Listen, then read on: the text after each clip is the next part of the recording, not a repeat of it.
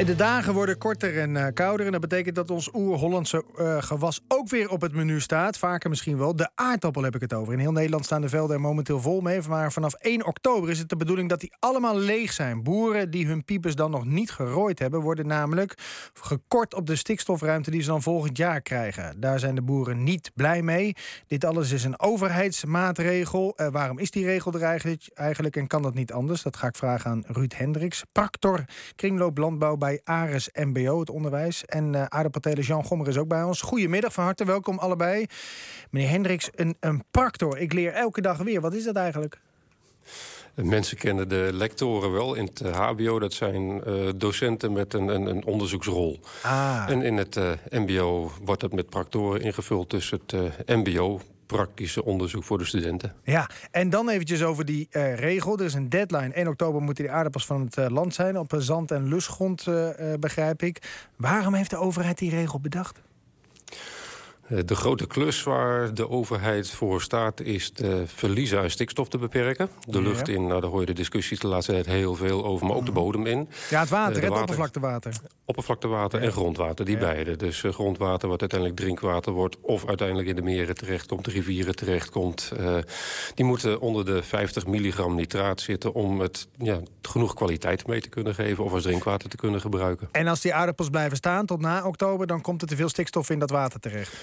Nou, de gedachte is als je een vanggewas, zoals het dan heet, een groenbemester teelt, dat die stikstof die nog overblijft in de bodem, na afloop van de teelt, of die nog vrijkomt doordat het nog warm weer is, mhm. dat die opgenomen wordt.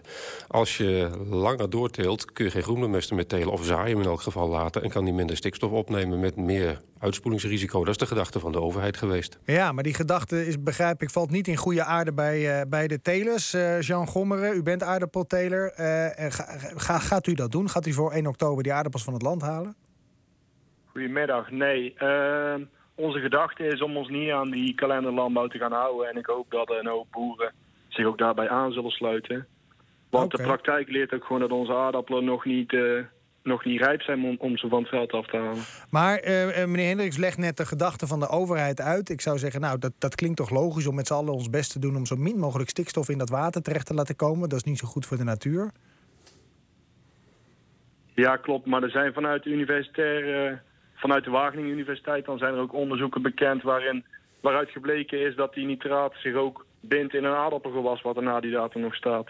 Ah, oké. En dat het ook het zou ook, wanneer je een groenbemester later zaait, dat is ook nog weersafhankelijk wat deze gaat doen aan de stikstofopname. Ja, en, en waarom kunnen die aardappels bij u er ook niet uit eigenlijk voor 1 oktober, zegt u? Uh, de aardappelen zijn een jaar later geplant, geplant, omdat we in het voorjaar met slechte weersomstandigheden te maken hadden. Ja. En die hebben gewoon een groeidagen nodig. En in het laat van het groeiseizoen zijn we vooral afhankelijk van de droge stof, uh, hoeveelheid die zich in de aardappel bevindt. Ja. En die is zich nu nog aan het ontwikkelen. Oké, dus de samenstelling van de aardappel is nu nog niet goed genoeg om, om ze van het land te halen. Tot hoe lang moeten ze eigenlijk staan, denkt u? Um, ja, dat gaat nog een aantal weken nodig hebben. Ja, ja. En, en dat mag echt niet, uh, meneer Hendricks. Ze mogen niet uh, eh, 5 oktober eraf. Jawel, het is, het is heel erg het moeten. Het mag wel. Uh, alleen je moet nu als boer de afweging maken. En dat hoeft die boeren niet. Dus dit jaar voor het eerst. Als je later gaat oogsten, dan krijg je een strafkorting, noem ik het maar, op de stikstofgift volgend jaar. Ja. Ervan uitgaande dat dan niet meer alle stikstof vastgelegd kan worden in de bodem. En dat is dan een soort stafvol, dat begint met 5 kilo en de tweede helft oktober 10 en na 1 november 20. Ja, dus dat betekent uiteindelijk dat je dus op datzelfde perceel volgend jaar minder aardappels mag uh, uh, verbouwen.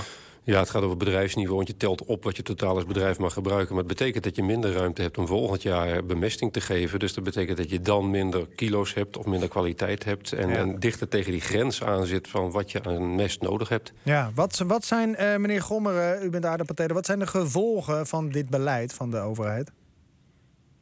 Ja, dat we eigenlijk natuurlijk als eerste gedwongen worden om... Uh om ons eigen boerenverstand uh, aan te gaan passen. Wat naar mijn idee niet de bedoeling is van het hele gebeuren. Dat werkt niet zo hè, als de overheid boeren gaat vertellen wat ze moeten doen. Nee, klopt. Dus daarin worden wij een beetje ja, dwars gezeten zoals ik het zie. Maar okay, daarvan kan je zeggen, nou ja, weet je, er is iemand die dat bepaalt, zo so be it. Levert het ook echt schade op, financiële schade? Of, of, of, hoe zit dat voor u? Ja, we gaan nu natuurlijk... Uh, ten eerste gaan we, als we nu ons eigen niet aan de regelgeving gaan houden dit jaar, dan gaan we natuurlijk gekort worden zoals we net al ja. te sprake brachten. En van de andere kant zullen er ook partijen zijn die zich wel netjes aan de regels gaan houden. Die gaan aardappelen oogsten die nog niet rijp zijn. Dus die, daar gaan kilo's verloren omdat die de groeidagen niet gehaald hebben. Plus die gaan kwalitatief uh, minder geschikt zijn om uh, in de, uit de winterbewaring in de markt te brengen. En waar, waar zal dat toe leiden? van voedselverspilling. Ja, waar, waar leidt dat toe? Ik bedoel, die, die aardappels worden ook gebruikt voor de patat bijvoorbeeld. Veel natuurlijk. Ja. Nou, dat de droge stofhoeveelheid in de aardappelen niet goed is, dat, dat gaat inhouden dat ze veel moeilijker te bewaren zijn. Dus dat ze eerder uit de bewaring gehaald moeten worden, omdat de kwaliteit niet houdbaar zal zijn tegen, eh, tegen het aflevermoment, wat normaal veel later is. Plus dat eh, de kwaliteit van de friet die je ervan gaat bakken of, de, of hetgeen waar je de aardappel gaat gebruiken, dat zal niet zijn doel bereiken. En betekent dat ook dat de friet duurder zal worden, meneer Hendricks, denkt u? Is dat, is dat dan ook uh, een gevolg? Niet direct. Misschien op termijn, als je steeds verder teruggaat in stikstofgift... dat je de kilo's ook letterlijk minder gaan worden. Um, en het grootste deel van de frietprijs zit niet in de aardappel... maar op andere plekken. Dus zo, zo direct is dat niet. Maar ik, nou, wat ik het meest storend vind eigenlijk... we kunnen het over die kilo's allemaal hebben... en, en de afwegingen die de boer moet maken. Want die moet dus proberen in te schatten... Ja, wat die aardappelen nu nog aan groeikracht nodig hebben... wat Ja. het klimaat, wat de natuur nog doet. Het wordt binnenkort weer warmer en lichter, meer zon.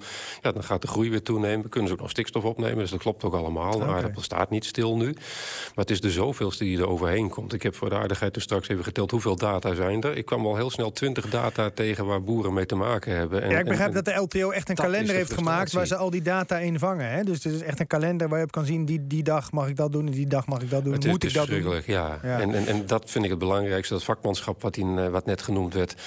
Een, een, boer moet heel veel dingen afwegen... en dat laat zich niet door kalenders sturen. Eh, of het nou bemesten is of scheuren van grasland. Je moet ook afwegen hoe loopt het klimaat dit jaar. Regen, warmte, bodemtemperatuur, er zijn zoveel factoren. En eh, wat, wat we eigenlijk willen bereiken is minder stikstof in het water en minder stikstof in de lucht. Dat is het enige wat de overheid wil. En die stuurt dat via heel veel data. Terwijl je eigenlijk zou willen zeggen dat zou mijn voorkeur hebben, heeft ieders voorkeur.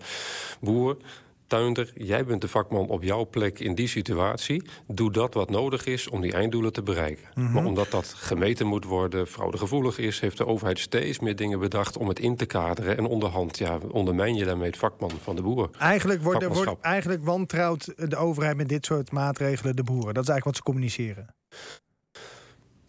Ehm, ze kunnen het op een andere manier niet goed meten. Dus eh, ze, ze wantrouwen in zoverre dat de boer niet zal bereiken wat de overheid wil bereiken. Namelijk minder emissie, minder eh, uitstoot naar het grondwater. Is dat ook wat u het meeste stoort, eh, meneer Gommeren? Dat u zich eigenlijk eh, ja, ja, gewantrouwd voelt door de overheid? Ja, de wantrouwen, dat, dat spreekt zich ook wel redelijk uit. Omdat je iedere keer ziet dat er regels verzonnen worden. En dat we nu weer op het moment zijn dat ik met jullie aan de lijn zit. Omdat wij weer moeten gaan- gaan weerleggen dat het, dat het niet de toegevoegde waarde heeft die ze willen bereiken. Ja. Want hoe, hoe zou dit anders kunnen dan? Als je zegt, nou oké, dan doen we niet die, die, die strikte maatregel van 1 oktober. Hoe zou u wel en een goede aardappel kunnen krijgen... en zo min mogelijk stikstof in dat water kunnen krijgen?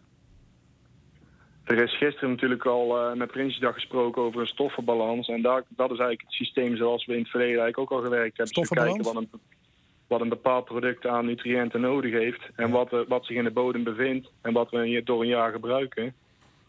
Maar dat gaat eigenlijk terug naar het systeem waar we eigenlijk al eh, in het verleden op draaiden. En, en dat is het systeem dat er veel meer uitgegaan wordt van uw eigen vakmanschap... zoals meneer Hendricks net ook zei. Ja, plus de, beschikbare, de beschikbaarheid in de grond en in de lucht en wat het product verlangt. Ja, Dat meer aan elkaar koppelen. ja. Ik, Zonder begrijp, daar, een, Ja. zonder daar een datum aan vast te hangen. ik begrijp dat er wel een motie is ingediend door verschillende partijen. Dus eh, eh, wie weet eh, gaat dit politiek nog wel een uitkomst krijgen... die u beiden zal bevallen. Ik dank u heel hartelijk, landbouwexpert Ruud Hendricks... en aardappelteler Jean Gommeren.